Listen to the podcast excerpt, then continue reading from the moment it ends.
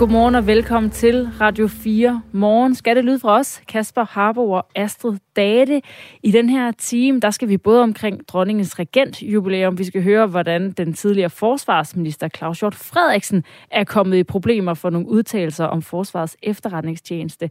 Og så skal vi også høre om øh, hans øh, tidligere øh, kollega i Venstre, Lars Løkke Rasmussens nye politiske program, der skulle præsenteres i morgen. Men først, der skal vi altså øh, have en af Radio 4 morgens helt store historier. Ja, og det handler om de her ankeloperationer, som har sat en øh, del mennesker, 40-50 øh, mennesker i første omgang, i den situation, at de har fået erstatning, fordi de har oplevet invaliderende indgreb på deres øh, ankler. Hospitalsdirektøren på Bispebjerg og Frederiksberg Hospitaler beklager nu over for de patienter, som har fået de her skader. Øhm, og det, det er jo sådan en historie, som vi her på Radio 4 har bragt frem sammen med TV2-nyhederne om en ortopædkirurgisk afdeling, som i næsten et årti har udført stærkt tvivlsomme behandlinger på et større antal patienter. De har ført til, at et endnu ikke kendt antal af patienterne er blevet påført invaliderende skader, som risikerer at vare hele livet. Christian Antonsen er hospitaldirektør for Bispebjerg og Frederiksberg Hospital. Godmorgen. Godmorgen. I går aftes øh, beklagede I, øh, men hvad er det helt præcist, I beklager? Øhm, jamen, vi beklager jo, at, at øh, der er en række patienter, øh, som du siger, 30-40 øh, nu, øh, som har oplevet, at de ikke fik bedring, men måske øh, tværtimod en forværing af de gener, de havde i forbindelse med de øh, problemer, de havde i og det er vi jo utrolig øh, kede af og bedrøvet over, at, at øh, de er kommet i den situation. Så den øh, beklagelse vil jeg meget gerne gentage. Nu siger du 30 til 40. Altså mindst 40 har fået erstatning. Ja. Øh, hvordan ja. kan det være, der er sådan en diskrepans mellem tallene, som du har og dem, vi har? Nej, så, jeg synes bare, du sagde så, så 40. Okay, godt. Ja. Øhm, ja, mindst 40 øh, har jo altså fået erstatning, fordi det ikke var der var simpelthen ikke grund til at operere dem. Øh, anerkender du, at det var et eksperiment? Ja, altså det, øh, det indgreb, der blev øh, anvendt, er, er sådan set øh, velbeskrevet. Øh, men det, der har været... Der er to problemer her. Det ene er, at, at det er blevet anvendt på en for bred indikation. Sådan som jeg forstår det, så er det til nogle helt specielle typer af skader i anklerne, det her indgreb er udviklet. Og her har der altså været tale om, at man har brugt det på en, det, der hedder en bredere indikation, øh, og dermed også til øh, typer af skader, hvor det oprindeligt ikke var tiltænkt. Øh, så, så det er jo det ene problem. Og det andet problem er så, at, at, at hvis man gør det, så, så er man selvfølgelig forpligtet til dels at, at føre øh, det, der hedder ordnet optegnelse, altså at følge op på, hvad er resultaterne af det, og selvfølgelig også informere patienterne om, at, at hvis man anvender en teknik, som, som man kan sige er, er ny eller ikke prøvet i, i den sammenhæng, som man vil gøre det her. Mm. Flere end 500 har fået den omdiskuterede operation, som normalt bliver brugt til at afhjælpe særlige ankellidelser. På sygehusets øh, fodkirurgiske afdeling fik et større antal patienter udført indgrebet i forbindelse med nogle skader, som normalt ikke burde medføre operation. Og det er altså grunden til, at patienterstatningen for 40 patienter har vurderet, at de ikke skulle have haft den. Der er lige et klip her med Martin Eriksen. Når vi har gennemgået de her sager, de 40 sager, vi anerkender, der er der faktisk et, et mønster, som viser, at der har ikke været tilstrækkelig operationsindikation. Med andre ord, så har man ikke haft tilstrækkelig grund til at udføre operationerne. Nu er du så altså betalt erstatning, men hvis skyld er det? Er det kirurgens? Er det den ortopædkirurgiske afdeling, eller er det hospitalsledelsens øh, Christian Antonsen? Vi er vel alle sammen ansvarlige. Altså, øh, hospitalsledelsen har jo det ordnede ansvar for, hvordan tingene foregår på hospitalet. Øh, afdelingsledelsen har ansvaret for, øh, hvad skal man sige, at det fagligt er forsvarligt, det der foregår på afdelingen, og den enkelte ord har i høj grad også et ansvar for, at man arbejder inden for, øh, hvad skal man sige, de rammer og regler og retningslinjer, øh, som der er på området. Tager du så også ansvaret? Ja, altså jeg gentager, jeg beklager dybt det, der er sket, øh, og dermed tager jeg jo også et, et, et ansvar for det her, ja. Øhm, I sommeren og efteråret sidste år sendte Bispebjerg og Frederiksberg Hospital et brev til godt 500 patienter, som har fået den ja. omstridte ankeloperation. Mm. Det er godt og vel tre et halvt år efter, at hospitalet ja. i form af ledende overlæge Henrik Palm øh, mm. bliver bekendt med, at der er behandlingsskader. Mm. Øhm, der, der er simpelthen gået tre år. Altså ifølge advokat med speciale i erstatningsret, Annette Bendiksen, er det problematisk, at der gik så lang tid, fordi der kan være sager, der bliver forældet. Du kan lige få lov at høre et, et klip med hende. Problemet er, at der ved siden af den her treårige frist også løber en 10-årig frist, det man kalder for en absolut frist. Og den begynder ikke først at løbe på det tidspunkt, hvor man får kendskab til skaden. Den løber fra det tidspunkt, hvor skaden er sket, og det vil jo i det her tilfælde sige den dag, hvor man er blevet opereret. Under alle omstændigheder går der altså tre år hvad, hvad, er din oplevelse af det? Hvad, kan, kan der være en god grund til det? Ja, det synes jeg i og for sig, der er. Øh, jeg kan godt forstå, hvis folk synes, det, det er lang tid. Men, men øh, altså, det er jo afdelingen selv, der har initieret det her, og der har været et stort opklaringsarbejde. Og, og, at finde de her, øh, der viser at være 500 patienter, har faktisk været en øh, ekstrem opfattende opgave i det sidste år fra 17 til 18, der har vi haft elektronisk patientjournal, det der hedder sundhedsplatformen herover. Øhm, og der er det sådan set ikke et stort problem at fremsøge den, men resten det er jo på papirjournaler, der er mikrofilmet. Og de her indgreb har så skulle findes blandt alle de indgreb, der er foretaget i med operationer i fodranketområdet. Det er typisk 300-500 per år, så man altså skulle igennem øh, mange tusind journaler, øh, fordi man ikke kan fremsøge på nogen måde, om den enkelte patient nu har fået det her indgreb. Så der har ligget et, et meget, meget stort øh, opklaringsarbejde der. Øh, så har man derudover skulle udvikle øh, det, vi kalder PROMS, altså som er patientrapporterede resultater.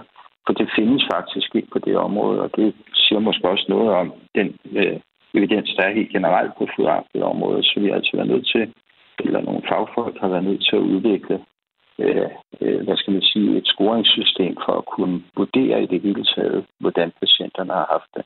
Men tre år alligevel, burde, burde de ikke have haft det brev noget før? Altså når der nu er en forældelsesfrist på deres mulighed for at få øh, erstatning? Øh, jo, men som jeg siger, så har det altså været en ekstrem omfattende proces, og vi har ikke haft noget som helst øh, sigte på at forsinke det her på nogen måde. Det er sådan set afdelingen selv, der har i gang sat det her arbejde. Øh, det er afdelingen selv, der har henvendt sig til øh, patientskadenævnet. Det er afdelingen selv, der har henvendt sig til Styrelsen for Patientsikkerhed og gør opmærksom på de her problemer. Og så har de sat de her undersøgelser i gang, og de har gjort det så hurtigt som muligt. Det er altså også noget med at få datatilsynets tilladelser og alle mulige andre tilladelser til det hele taget at gå i de her patientmaterialer og gennemgå dem på den her måde. Hvis der er risiko for, at patienter med smerter efter operationen ikke kan søge erstatning, fordi øh, der er gået de der tre år, øhm, hvad vil I så egentlig gøre for at hjælpe dem? Jeg mærker jo på dig, at du er klar til at tage ansvar for, for det, der er sket. Altså, hvad vil I gøre for, altså, at de patienter får mulighed for at søge erstatning? Altså det juridiske ligger øh, lidt ude for mine sådan, spidskompetencer, øh, men, men hvis der opstår problemer der øh, i den anledning, så må vi jo øh, prøve at se, hvordan vi løser det. Øh, det er sådan set vores intention, at alle bliver øh, behandlet ordentligt og, og får erstatning, hvis øh, det er sådan, at de er berettiget til det.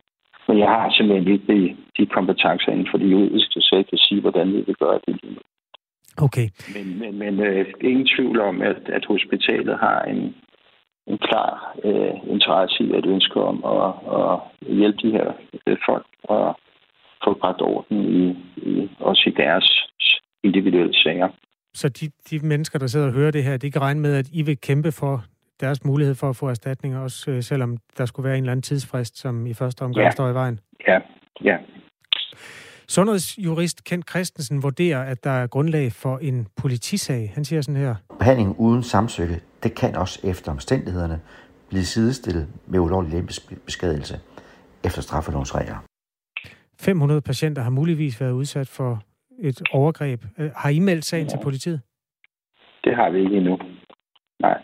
Øhm, det tager vi øh, stilling til sammen med de øh, relevante myndigheder, det vil sige Styrelsen for Patientsikkerhed. Og den øh, dialog vil vi indlede med dem, men vi har ikke meldt øh, nogen til politiet endnu. Nej.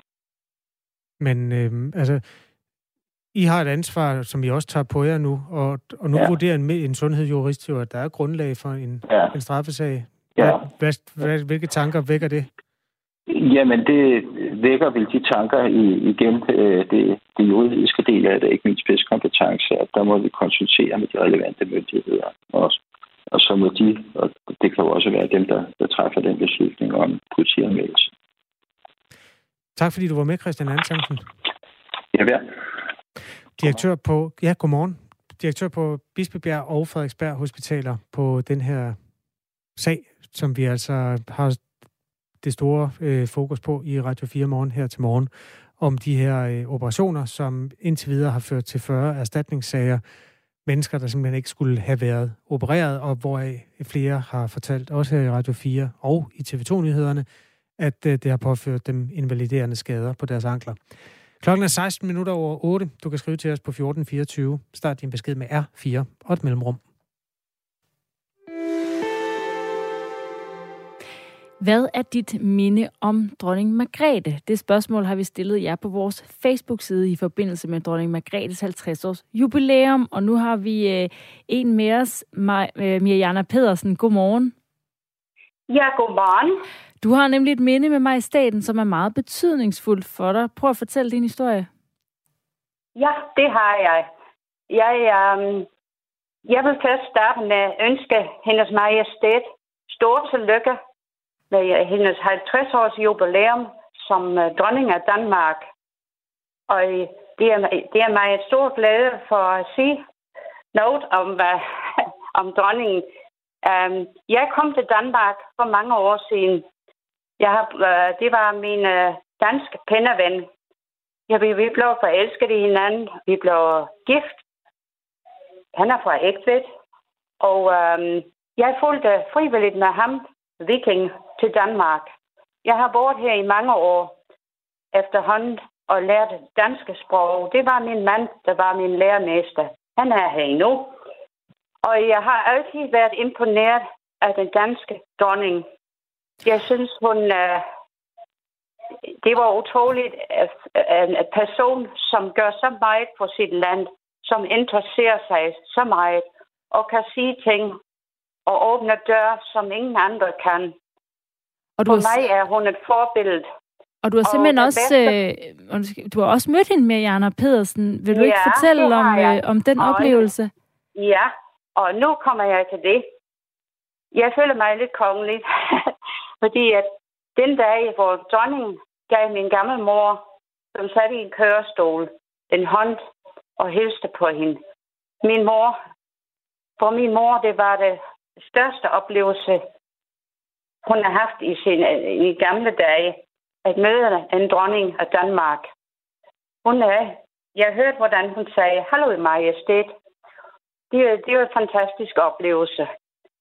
Og sådan generelt, er, vi har altid fulgt med, hvad der skete hernede, når dronningen og kongerfamilien var på besøg her i det sønderjyske. Vi, vi føler os meget tilknyttet til det kongelige men også min datter og svigersøn, som i deres unge dage har arbejdet øh, i Aarhus, et sted, på et sted, hvor dronningen tit kom på besøg. Og man sørger for god forplejning, især min svigersøn. Og det er de så stolte over, at de har sådan en dronning at være til hende til tjeneste. Så øh, jeg føler, jeg føler mig, jeg er stolt af at være dansker. Jeg, jeg er så stolt af at bo i et land som Danmark og have en, dron, en dronning som hendes majestæt, Margrethe. Det, det er mig, jeg føler, at vi har et kongehus, som repræsenterer Danmark. Og de bedste ambassadører, der findes. Jeg, jeg siger til dronningen, hun siger i sin nytårstale, Gud bevarer Danmark. Jeg siger, Gud bevarer dronningen og kongehuset. Og vi håber at se hende mange gange endnu her i det sønderjyske. Mange tak, fordi at jeg måtte hilse på hendes majestæt. Og tak, fordi du ville fortælle os om det med Jana Pedersen. Ja. Som er altså en af de øh, lyttere, der har været øh, igennem i den løbet af den her morgen og fortalt om øh, deres øh, minder med dronning Margrethe. Og vi, med, hvis man vil læse flere, der er nogle sjove historier imellem, så kan man gå ind på vores Facebook-side, hvor at folk altså har kommenteret et opslag med deres mening, minde med dronning Margrethe. Før vi går videre, vil jeg lige øh, flaf, øh, blafre lidt med en øh, breaking øh, fane, nemlig den, at øh, den meget kendte tennisspiller Novak Djokovic, den serbiske mangedobbelte Grand Slam-vinder, han øh, bliver kølet ud af Australien. Der har været en masse hul om, om ham, fordi han ikke vil oplyse, om han er vaccineret mod corona, og Australien har kvæg sin egenskab af ø været sådan meget restriktiv og måske sådan et, også en lille smule øh, privilegeret i forhold til, hvordan man kunne øh, vælge at vrage mellem de mennesker, der kom og gik. Det er lidt sværere på et kontinent som Europa, så derfor har man jo i Danmark haft, hvad skal man sige, vi, vi er noget længere fremme med vaccinationsudrulningen. Øh, anyway, Novak Djokovic fik i første omgang mulighed for at komme ind i landet og deltage i Australian Open, men nu øh, oplyser Australiens immigrationsminister i en officiel meddelelse, at øh, hans visum bliver taget fra ham og uden det kan han jo altså ikke deltage ved årets første Grand Slam-turnering, Australian Open. Der kommer et citat her fra Alex Hawke, der er immigrationsminister. I dag brugte jeg min beføjelse i henhold til paragraf et eller andet i immigrationsloven til at annullere det visum, som hr. Novak Djokovic var i besiddelse af, af helbreds- og ordenshensyn, på grundlag af, at det var i offentlighedens interesse at gøre det, lyder det i meddelelsen. Den kommer til at fylde noget i nyhederne i dagens løb. Den er lige kommet, så det var en sportsnyhed med kæmpe corona over- og undertoner her i Radio 4. Klokken er 8.22.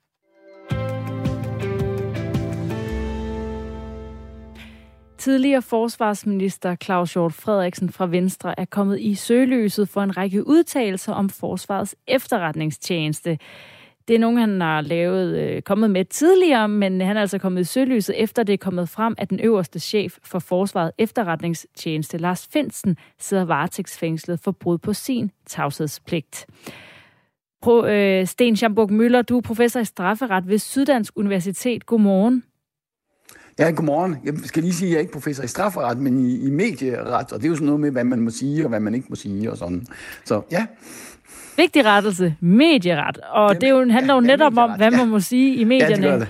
Ja, øh, præcis. Og øh, det er Claus Hjort Frederiksen, der har sagt noget i et interview, og du siger i Information, at det er et godt spørgsmål, hvorfor der ikke er blevet rejst sag mod den foranværende minister. Hvorfor øh, skulle der det? Ja, det ved jeg heller ikke, om der skulle, øh, men det er et godt spørgsmål øh, at stille. Det er jo sådan, Øh, at øh, når der rejser sag mod nogen, så skal man jo gøre det på objektiv grundlag. Altså anklagemyndigheden har en savlig, øh, savlighedsforpligtelse, og det vil sige, de må ikke rette anklager mod nogen, og så er der, som de ikke kan lide, og mod nogle andre, som de godt kan lide. Øh, og der er jo noget her, der kunne tyde på, jeg, har ingen, jeg ved ikke, om det er rigtigt, men der er noget, der kunne tyde på, at der er noget, noget Øh, øh, med den her, hvad hedder det, øh, den her kabel, det amerikanske kabel i Danmark, Øh, og er det det, Lars Finsen sidder varetægtsfængslet for? Det er jo hissigt at være varetægtsfængslet, altså inden man er dømt, øh, mens øh, en tidligere minister øh, kan udtale sig om det, uden øh, at der sker det fjerneste.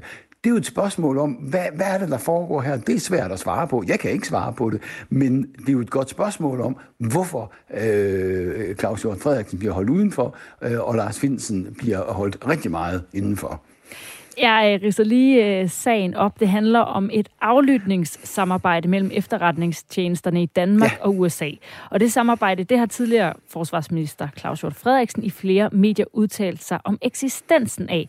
Blandt andet øh, i Berlingske og i programmet Libert på TV2 News. Der der fortalt Claus Hjort Frederiksen den 15. Øh, december sidste år i detaljer om et dybt fortroligt overvågningssamarbejde mellem Danmark og den amerikanske sikkerhedstjeneste National Security Agency. Han siger øh, selv ordret, nu vil jeg være forsigtig med, hvad jeg siger, og ellers må jeg risikere fængselsstraf. Men jeg har i hvert fald været med til at orientere om, at den fandtes aftalen. I forhold til øh, det, du siger, Sten Schamberg Møller, om hvorvidt man burde tage sagen op, har det, sådan et citat så, altså at han siger, at risikerer fængselsstraf, altså siger det noget om, at, øh, at han kan have overtrådt loven? Nej, altså det han selv lige i det øjeblik kommer til at tænke på, det siger vel ikke så meget. Øh, og det er jo, en, altså det er jo indviklet, fordi det er jo oplagt, at man må gerne tale om ting, som er almindeligt kendt. Uh, og jeg kan ikke vurdere, om de her, hvorvidt de her ting var almindeligt kendt, eller det netop var noget, der ikke var almindeligt kendt, og som man derfor, hvis man havde viden om de her uh, hemmelige ting, ikke må tale om. Det er jo et af de, de springende punkter, fordi selvfølgelig kan man ikke straffe nogen, hvis det bare er almindeligheder. Øh, den tidligere øh, chef for, for PET øh, blev anklaget for en hel masse punkter, som man mente, at han havde ligget, og, og der siger landsretten for 27 ud af 28 punkter, at, at det er jo bare almindeligheder. Det er jo ikke noget problem. Det, der er slet ikke noget brud på tavshedspligten. Og det, man så kan undre sig over i den her sag, det er, at man har en chef for, for Forsvarets efterretningstjeneste, som altså øh, er varetægtsfængslet, muligvis på grund af øh, lækager om, om, øh, om den her, det her samarbejde med NSA, øh, øh, øh, og, og man har en tidligere forsvarsminister, som, som overhovedet ikke er i søgelyset. Altså, det ser umiddelbart mærkeligt ud. Er det fordi, øh, eller man må sige, er der, ja, burde man have, have rettet øh, anklage også mod den tidligere minister, eller burde man ikke have rettet anklage mod Lars Finsen? Øh, det er jo et spørgsmål, som er meget svært at svare på, når det hele foregår så hemmeligt. Hvorfor har man pligt til, altså anklagemyndigheden til at øh, rette anklager mod alle? Altså, øh, hvorfor kunne de ikke lade sådan et øh, interview fare? Øhm, anklagemyndigheden, altså vi lever jo i en retsstat, og det vil sige, at anklagemyndigheden kan jo ikke bare frit vælge og vrage og sige, Nå, men nu har vi sådan nogle stykker her, der måske har overtrådt øh, nogle bestemmelser. Der er nogle af dem, som vi godt kan lide, dem lader vi øh, øh, fare, og så er der nogen, som vi ikke kan lide, og dem anklager vi. Det må, vi, det må de selvfølgelig ikke. Der skal være objektive, savlige grunde øh, til. Og, og det kan der jo godt være, altså man siger, det her, mm, det kan vi vist ikke rigtig føre bevis for, så skal de selvfølgelig lade være. Øh, og, og, og, og hvis de vurderer, at her er der en sag, så skal de selvfølgelig køre den. Problemet for, hvad kan man sige, alle os andre, altså i offentligheden, vi kan jo ikke se, hvorfor er det, at man har valgt at gøre det i det ene tilfælde, og ikke har gjort det i det andet tilfælde. Er der falske lodder øh, i vægtskålen, eller er der ikke? Det har vi ingen mulighed for at vurdere. Og det er et problem, efter min opfattelse. Man kan også sige, at nu er der jo ikke nogen sag mod Claus Hjort Frederiksen, så kan man ikke bare gå ud fra, at han ikke har brudt sin tavshedspligt? Mm, øh, altså, det vil jeg da meget, det vil jeg da håbe, øh, at, at en, en tidligere forsvarsminister udmærket er klar over, hvad der må siges og ikke må siges, og at anklagemyndigheden udmærket er klar over, hvad, hvad, hvad der er, er strafbart og ikke er strafbart. Det, der undrer, er jo, at, øh, at det ser ud som om, men vi ved det jo ikke, men det ser ud som om, at det Lars Finsen nu er varetægtsfængslet, fordi ja, det er noget i samme retning, nemlig at lægge noget med det her samarbejde øh, med, øh, med USA. Øh, og og hvis, hvis de begge to har, øh, har sagt noget om de her ting, ja, så virker det mærkeligt. Øh, det kan i hvert fald undre. Det kan godt være, at der er en god forklaring på det, men jeg har ikke forklaringen på, på den forskel. Hvad kan være konsekvenserne for Claus Hjort Frederiksen, hvis det viser sig, at han har brudt sin tavshedspligt? Ja, altså hvis, sådan er, hvis, man, hvis man bryder en tavshedspligt, og vi er oppe i, i, i hvert fald sådan som det ser ud i den hårde øh, liga med, med en, en straf med en, en fængselsramme på, øh, eller straframme på 12 års fængsel, ja, så, så må man jo forvente, at der bliver rettet tiltale også mod ham, hvis han faktisk, og jeg siger hvis, for jeg ved det ikke, men hvis han har brudt sin tavshedspligt. Sten Jabburg Møller, tak fordi du var med. Ja, selv tak. Professor i medieret ved Syddansk Universitet, der altså øh, jeg bare stiller spørgsmål til det her med, øh, hvilke sager man tager op, og hvilke man ikke tager op, efter at den øverste chef for Forsvarets efterretningstjeneste, Lars Finsen, sidder varetægtsfængslet for brud på sin tavshedspligt, mens der samtidig er øh, en masse fokus på Claus Hjort Frederiksens udtalelser i forskellige medier om, hvorvidt han kan have brudt sin tavshedspligt. Der er nyheder her i Radio 4 lige om lidt. Frem mod dem kan vi lige tage en sms, der er dummet ind fra vores lytter Helle, som skriver, Tillykke til dronning Margrethe. Her kommer et minde. Vi, far, mor og seks børn, boede på landet. I 1952 tog vores forældre os til det store eventyr, det kongelige teaters opførsel af Elverhøj, med Christian den 4. i de, gimle, i de fine gamle øh, kulissers smukke grønne bøgeskov. Vi var meget spændte. Lige med et, indtil det blodrøde plus fortæppe blev trukket til side før stykkets begyndelse, åbnede dørene til kongelogen. Alle i salen rejste sig og holdt vejret, og kongen og dronningen med deres tre små prinsesser i fineste lyserøde kjoler med påfærmer kom ind i logen og tog plads i de fine opstillede guldstole med rødt betræk. Det helt store dobbelte eventyr. Vi piger måtte hjem og tegne nye fine kjoler til påklædningsdukkerne af de tre prinsesser, skriver Helle. Tak for det, Helle. Klokken er halv ni. Der er nyheder.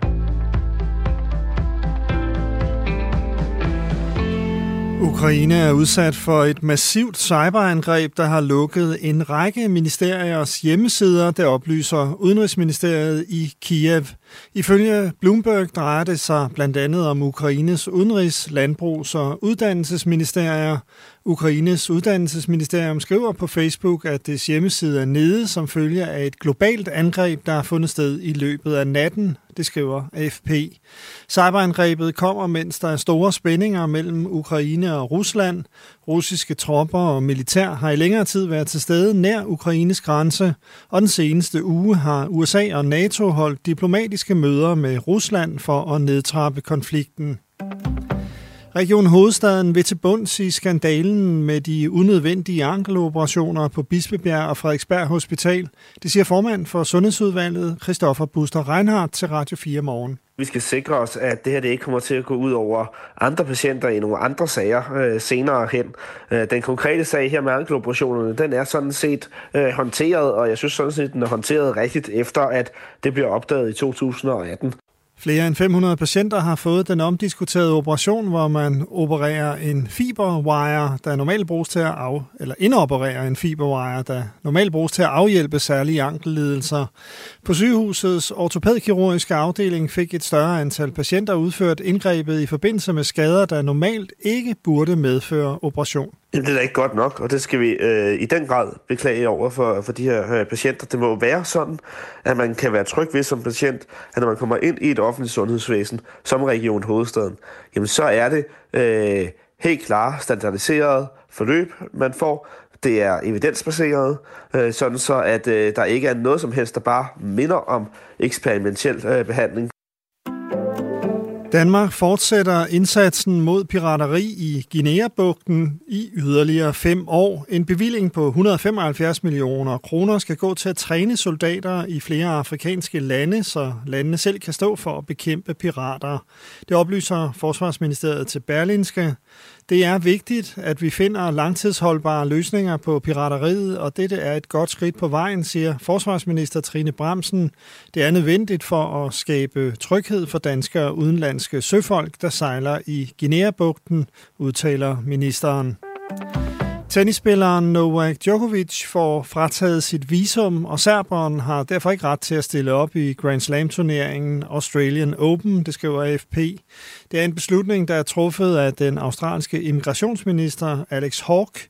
Jeg har brugt min magt til at annullere det visum, som visum, som Novak Djokovic har fået, fordi det er i offentlighedens interesse, lyder det fra Hawke.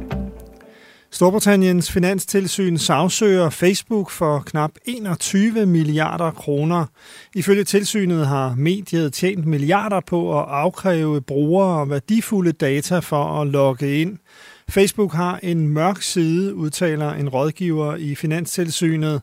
Det misbruger sin markedsdominans til at underlægge de britiske brugere uretfærdige vilkår og får herved magt til at udnytte deres personlige data, siger rådgiveren.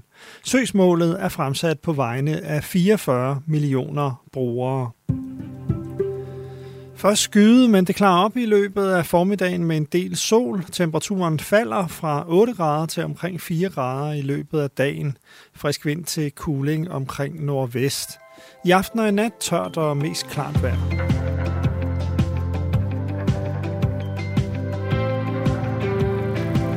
Vi skal da i hvert fald have nedsat en undersøgelseskommission, så vi kan få brugt nogle penge. Måske nogle samråd, så Claus Hjort kan blive grillet lidt.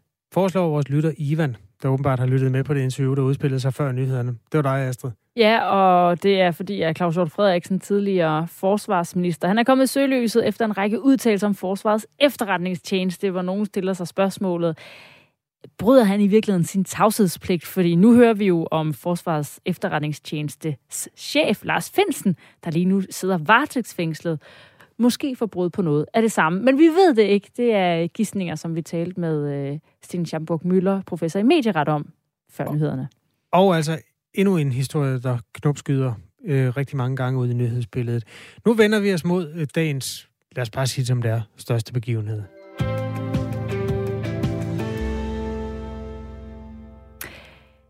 Det er nemlig dronning Margrethes 50 års jubilæum som regent i dag, og det betyder 50 års samspil mellem dronningen og monarkiet med Folketinget og demokratiet. Senere i dag markerer Folketinget jubilæet, og dronningen deltager selv i den fejring. Formand i Folketinget, det er Henrik Dam Christensen. Godmorgen. Godmorgen. Godmorgen. Det er jo de folkevalgte på Christiansborg, der former det danske samfund med deres love. Hvilken rolle spiller dronningen i den proces?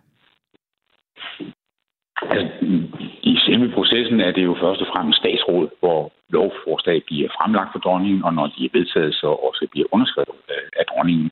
Så der er jo en meget formel øh, proces, som dronningen er en del af i forhold til lovgivningen i Danmark. Og det er jo en øh, formel proces. Jeg har faktisk set øh, sådan et øh, lovforslag, når det skal afleveres til dronningen, så bliver det simpelthen syet i hånden med sådan en øh, ja. rød snor syet sammen meget fint. Og så bliver det altså øh, afleveret til dronningen, der så skriver under. Og det er jo en meget formel proces. Er der overhovedet nogen sådan reel politisk indflydelse hos, øh, hos dronningen? Det kommer ind på, hvordan man øh, betragter politisk indflydelse. Men øh, der er jo ingen tvivl om, at vi har en øh, dronning, som på alle måder er i samklang med befolkningen, øh, som er på mange måder også en moralsk kompas for os, som gennem sine øh, nytårstaler, sin interview og den måde, dronningen i øvrigt agerer på, øh, er en rollemodel for øh, Danmark og for hele rigsfællesskabet. Hvad får dig til at sige det? Det får mig til at sige det, fordi at øh, jeg synes, dronningen ofte er i stand til øh, at en meget dyb forståelse af øh, den danske folkesjæl.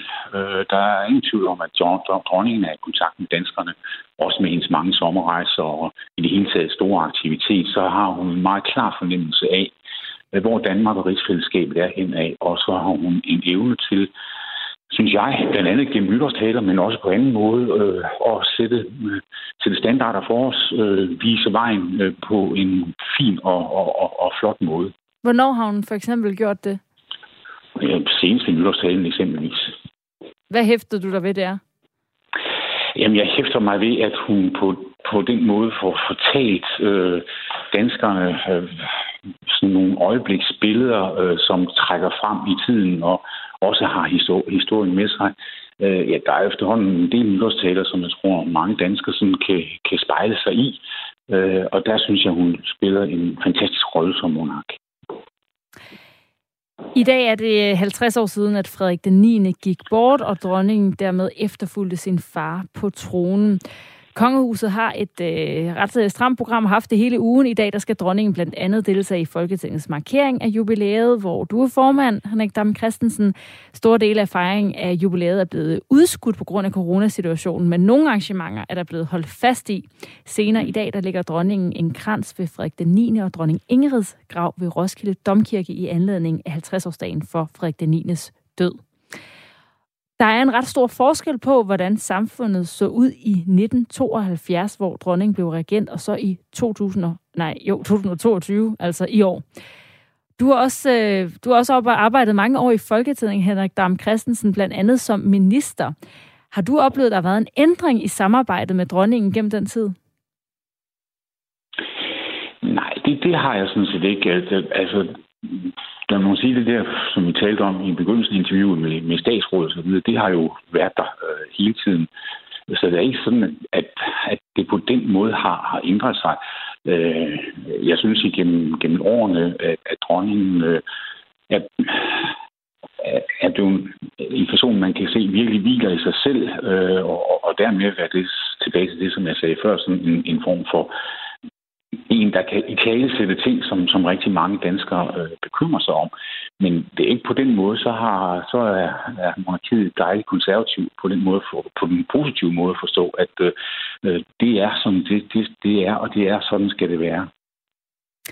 Gennem den tid, vi har, vi har her på Radio 4 Morgen i løbet af, af i dag, hørt fra øh, folk og deres særlige minder med dronningen, eller om dronningen. Har du også et øh, særligt minde med dronningen, Henrik Dam Christensen? Nej, jeg har jo haft det privilegium med, at jeg øh, igennem mit politiske liv, når jeg har været minister nu her, hvor jeg er formand for Folketinget, øh, har haft lejligheder, øh, hvor jeg har været sammen med dronningen. Det kan være statsbesøg, det kan være åbning af Folketinget osv. Og, og de gange, jeg har talt med dronningen, må jeg bare sige, at jeg har mødt en meget vidende person, øh, som er rigtig godt inde i de samfundsforhold, der er, både nationalt, internationalt og også i forhold til rigsfællesskabet. Så en meget vidende person øh, er det, jeg synes, jeg møder, når jeg har den lejlighed til at, at, at være lidt tættere på dronningen. Og hvor vigtigt er det for øh, også for det politiske arbejde i Danmark, altså hvis øh, det at have en vidende dronning, når hun bliver sendt ud på øh, statsbesøg, har det, er, er det vigtigt, at, øh, at hun er en god repræsentant? Det kan jeg love for. Jeg, jeg har selv haft fornøjelsen af at, at rejse flere gange som minister med, med de kongelige. Øh, og jeg tror, man skal have været tæt på for rigtig at forstå, øh, hvilken døre den kongelige familie er i stand til at åbne på de der øh, mere officielle rejser, hvor vi har danske virksomheder med, som, hvor det jo i bund og grund handler om, at danske virksomheder skal skabe danske arbejdspladser, nemlig ved at få bedre kontakter til udlandet. Og der er ikke nogen overhovedet, der er bedre til at åbne de døre som øh, den kongelige familie. Det er en kæmpe hjælp for danske virksomheder. Kan, kan du give et eksempel på, øh, at du har oplevet det? Jamen, det har jeg oplevet flere gange, og, og jeg kan bare sige, at jeg har haft øh, erhvervsrejser, hvor det, der kun har i situationen været mig med som minister, og jeg har haft erhvervsrejser, hvor der har været repræsentanter fra den kongelige familie, og der kan jeg bare sige, at øh, når den kongelige familie er med, jamen så er der døre, som... Det der er døre, der kun kan åbnes, når de kongelige familie er med, og derfor er det også så vigtigt for det danske samfund, for arbejdspladserne, for vores erhvervsliv, at den kongelige familie så ofte deltager i erhvervsrejser. Det, det er faktisk en, en, en kæmpe hjælp, og, og de yder en kæmpe indsats, når vi er ude på disse erhvervsrejser. Det var bare for at forstå, hvad, hvad er det for en dør, altså for eksempel, som, øh, som hun kan Nå, åbne, når, når du har hende med på rejsen? Det kan man blandt andet se på øh, gæstelisten, når man for eksempel holder en reception. Så kommer der alle dem, som dansk erhvervsliv rigtig gerne vil have, skal komme, fordi så de, de kan skabe de kontakter. Så det, det er den slags døre, de, øh, de åbner. Når den kongelige familie er med, så, øh, så, så giver det en mulighed for dansk erhvervsliv for at komme i kontakt med nogen, som de ellers ikke ville komme i kontakt med.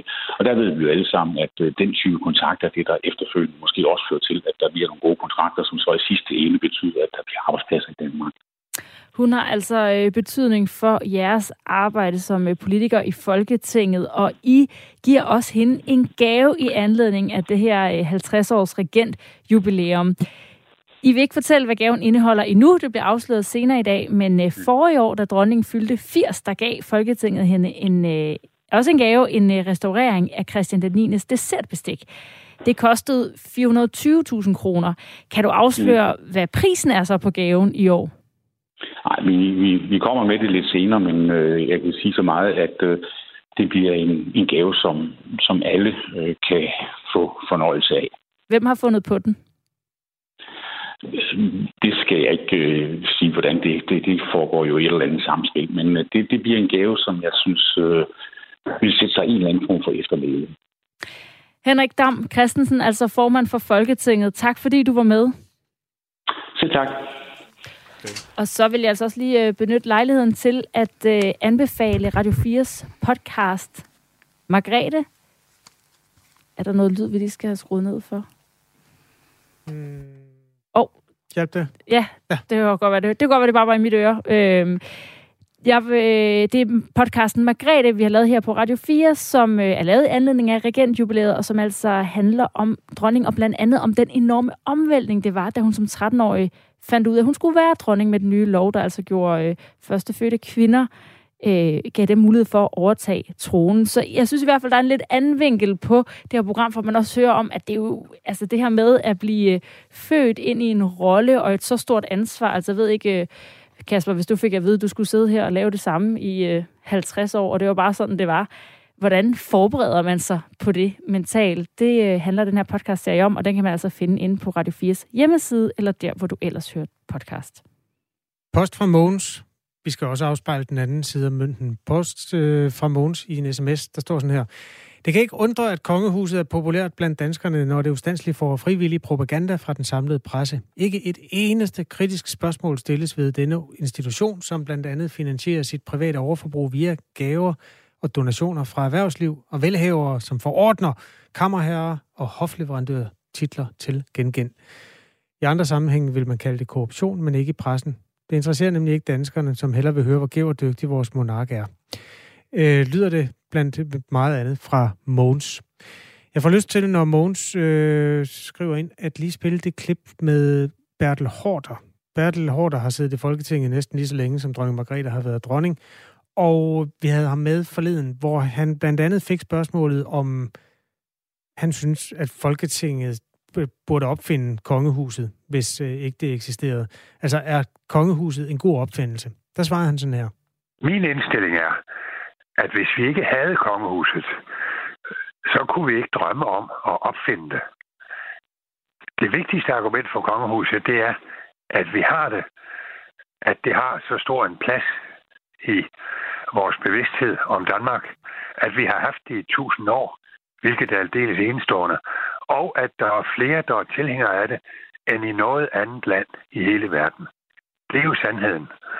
Og det er altså dronningen og hendes familie, som har sikret den position, som har cementeret monarkiet i Danmark. Sagde altså Bertel Hårder.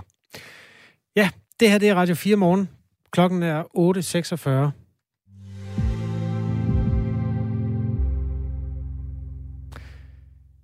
Godt. Øh, lad os lige vende os mod en anden af dagens historie. Der sker simpelthen så meget, der ikke har med corona at gøre. Det er et fuldstændig øh, vidunderlig situation. Vi tager simpelthen øh, moderaterne. Sagen er den, at alle unge mennesker skal aflægge 6 måneders borgerpligt, en form for samfundsmæssig værnepligt, hvis det står til tidligere statsminister Lars Løkke Rasmussen. Han øh, har fremlagt nogle af hovedpunkterne i sit politiske udspil, altså hvad er det egentlig moderaterne vil, øh, i Weekendavisen. Og øh, den, det, det her politiske program, det skal jo fremlægges, øh, hele partiets program vil blive fremlagt her i, i weekenden. Og den analyse, den kan vi godt lige kaste, sådan, tage lidt forskud på sammen med Thomas Larsen, der er politisk redaktør her på Radio 4. Godmorgen, Thomas Larsen. Godmorgen. Hvor interesseret er du, når, Thomas, når øh, Lars Løkke Rasmussen langt om længe lader ane, hvad det egentlig er, han vil politisk? Jamen, jeg synes, det er virkelig interessant, for det er første gang, vi begynder at få konturerne af, hvad det er, han vil med sit øh, politiske parti. Uh, indtil nu, der har vi godt nok ikke fået ret meget at vide om det. Han sagde godt nok også i øh, efteråret, at han ville lægge mere eller mindre underdrejet under den kommunale valgkamp, fordi der havde han intet at gøre. Og det løfte har han jo altså også levet op til, men det er klart, at nu bliver det spændende at se, om øh, Moderaterne er mere end et, kan man sige, one-man-band, om der også kommer et politisk program på bordet, og også om der snart kommer nogle kandidater, der stiller sig op ved siden af Lars Løkke Rasmussen. Alle unge mennesker skal aflægge 6 måneders værne, eller aftjene 6 måneders værnepligt. Sådan en form for samfundsmæssig værnepligt. Det er jo det ledige standpunkt. Det har jeg ikke hørt andre politiske partier sige. Nej, det kan man sige, og det er også mere end usikkert, om det øh, nogensinde øh, bliver realiseret. Men man kan sige, at Lars Løkke Rasmussen i hvert fald lever op til altså sine egne løfter om, at han vil tænke ud af boksen, han vil tænke nyt, og han vil også prøve at udforme nogle politiske forslag og idéer, der ikke sådan umiddelbart kan siges at høre til enten rød eller blå blok. Og det er jo også en del af hans øh, mission, at han vil prøve prøve at bløde fronterne op mellem blokkene og lave noget politik på, på tværs. Altså det her forslag er jo interessant øh, sådan indholdsmæssigt, fordi det, der er hans grundlæggende tanke, det er, at vi i dag lever i et samfund, hvor der er meget polarisering, meget splittelse, hvor vi kender for lidt til hinanden. Og så er det hans idé, at unge mennesker altså skal give sådan et halvt år af deres liv til samfundets bedste, og i virkeligheden også lære hinanden at kende på tværs af alle mulige øh, skæld. Og der nævner han jo så den gamle øh, værnepligt, øh, hvor han mener, at dem, der kom fra Vedbæk, møder dem, der også kommer fra Valdensbæk og, og Vordingborg, og det skal så være med til at lave en form for sammenhængskraft, hvis det står til Lars Løkke Rasmussen. Der er ikke ret mange, der kender gamet i dansk politik så godt som Lars Løkke Rasmussen. Så hvis vi nu tager for givet, at du har ret i, at det her det ikke har nogen gang på jord, og han så foreslår det alligevel, øh, så er det jo altså med den viden, at det kommer nok ikke til at ske. Hvorfor foreslår han det så? Har du bud på det, Thomas Larsen? Jamen det er fordi, jeg tror, at han så også med forslaget ønsker at sætte fokus på nogle altså, øh, problemer, som de fleste også er enige om, vi rent faktisk har i vores øh, samfund. Det her med, at der er en tendens til, at vi lever mere adskilt fra hinanden. Og der nævner han jo også folkeskolen, øh, øh, hvor man tidligere havde håndværkerens søn og direktørens søn eller datter, der gik i, i, i samme klasse. Og der kan man jo også sige, at sådan noget som boligpriserne har efter flere eksperters mening betyde, at vi får nogle mere, altså et mere opdelt samfund, hvor vi ikke længere mødes på tværs af socialklasser. Så på den måde, så kan Lars Løkke Rasmussen jo godt være med til at sætte gang i en væsentlig debat, uden at hans forslag nødvendigvis bliver gennemført i sådan en udgaven en til en, for det tror jeg ikke kommer til at ske. Radio 4's øh, politiske øh, redaktør Thomas Jarl Larsen hjælper os lige med at øh, sætte det i ramme, der sker nu omkring Lars Løkke Rasmussen. Han dannede altså sidste år sit nye parti, Moderaterne. Det gik lynhurtigt med at få 20.000 vælgererklæringer og blive opstillingsberettiget til det næste folketingsvalg. Han har også skrevet en bog om sin politiske linje, men ellers har han ikke afsløret meget om partiet eller sin politik. Jeg har læst bogen sådan i brudstykker, ud af det blå, tror jeg den hedder hvor han tager på sådan, det er sådan en road movie rundt omkring i Danmark, hvor han møder en masse mennesker. Og det er, det er jo sådan meget, det er mere idéer, eller hvad skal man næsten kalde det? Altså sådan, øh, det, det er ikke politiske færdigbagte ting, han kommer med, øh, Thomas Larsen. Det, det er næsten som at se øh, fødslen af Alternativet, dengang det opstod, bortset fra, at der kun er en mand med indtil videre.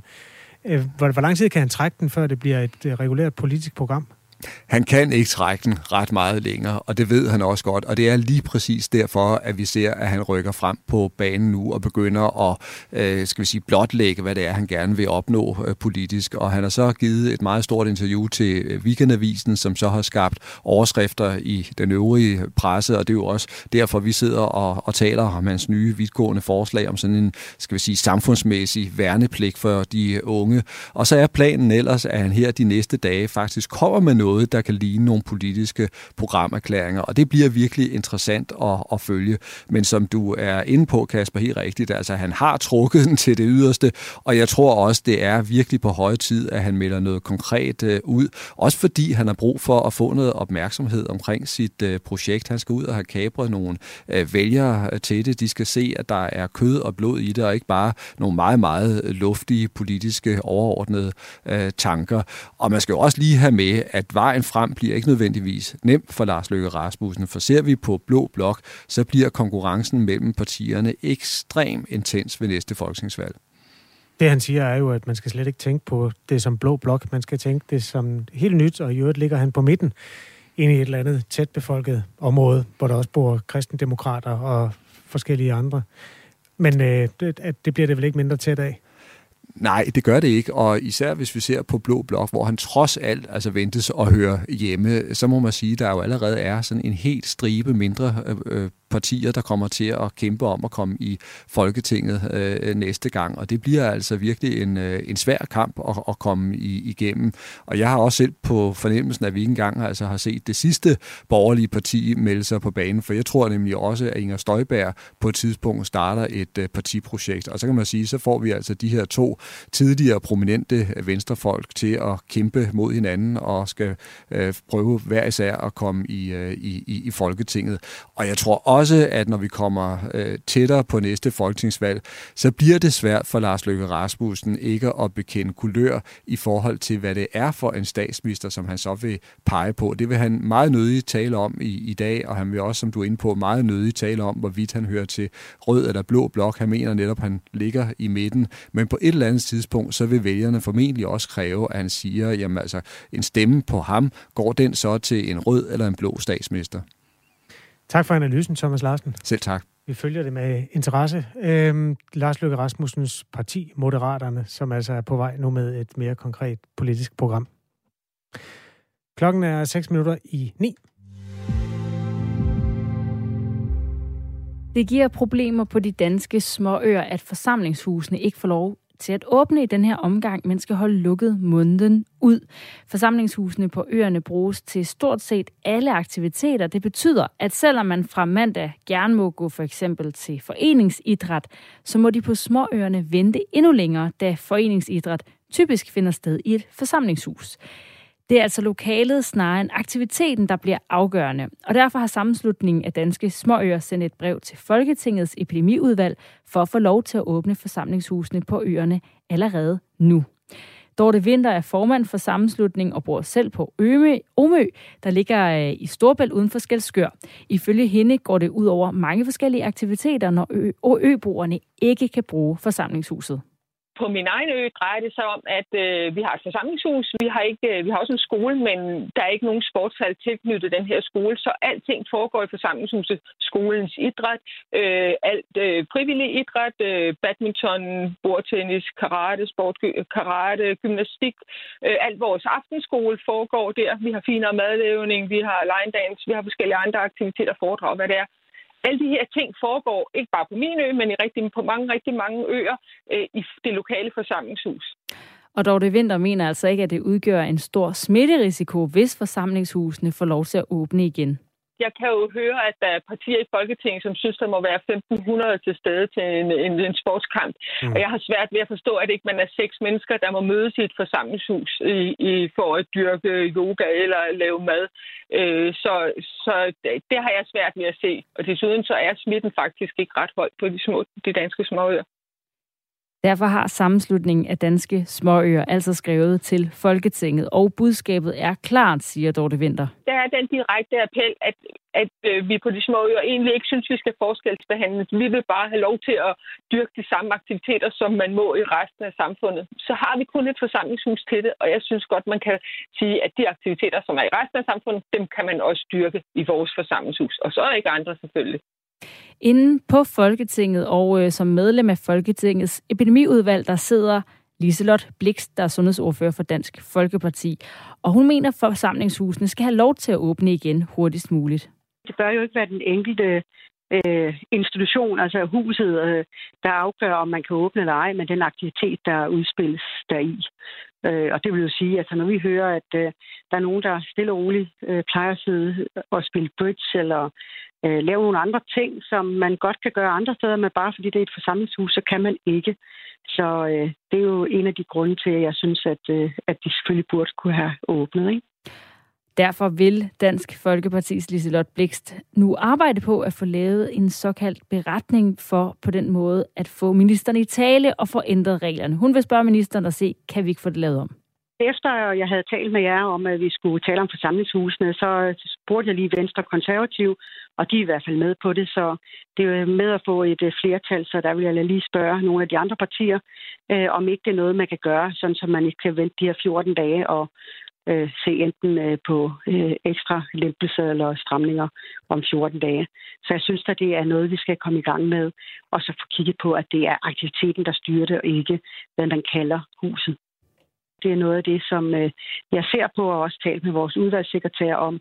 Vi kan lave en beretning, og en beretning, hvis den først får flertal, så går den til ministeren, og så skal I reagere på det. Og på den måde kan de øh, sammenslutninger af småøerne måske få lov at åbne tidligere end ved udløbet af denne måned. Klokken den er to minutter i ni, og du lytter til Radio 4 morgen lidt endnu.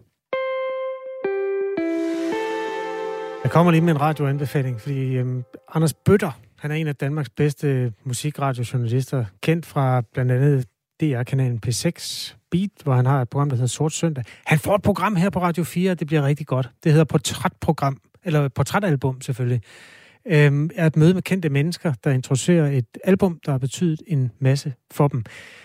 Første gæst er Ida Wohlert, som er kendt fra TV2's Godmorgen Danmark. Hun var som teenager en tur i USA som udvekslingsstuderende. Hun regnede med, at hun skulle surfe lidt rundt i Kalifornien, men ved skæbnens ugunst, der havnede hun i Oklahoma. Og det eneste high school, der havde plads, det var sådan en super konservativ omgang, hvor hun blev undervist af nonner med kyser på. Øhm, heldigvis fik hun en kæreste, der introducerede hende til noget, der var en del sjovere, nemlig albumet Core af Stone Temple Pilots. For lige en smagsprøve. Det var, det var, de var meget lukkede, og det var meget det var et lidt andet segment, og jeg synes, de var kedelige, og jeg var sådan lidt, hvornår starter festen, du ved, og den der fest startede bare aldrig. Og så tilfældigvis møder jeg Mr. Loverboy øh, til en øh, til sådan en fest, jeg var til, som var altså en fyr, der hed Marshall, som var sindssygt sød. Altså Øh, ikke på, fra skolen? Nej, nej, nej, han var på ingen måde fra skolen. okay. Han var, havde, du ved, langt nødebrun, sådan indianerhår ned til hoften nærmest, ikke? Sådan noget langt bølget hår.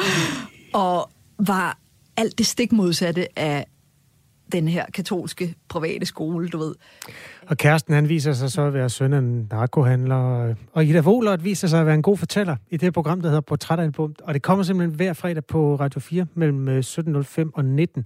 De kommende gæster er Brian Holm, cykelrytteren, øh, Leonora Christine Skov og politiker Uffe Elbæk. Der er nok at tage af.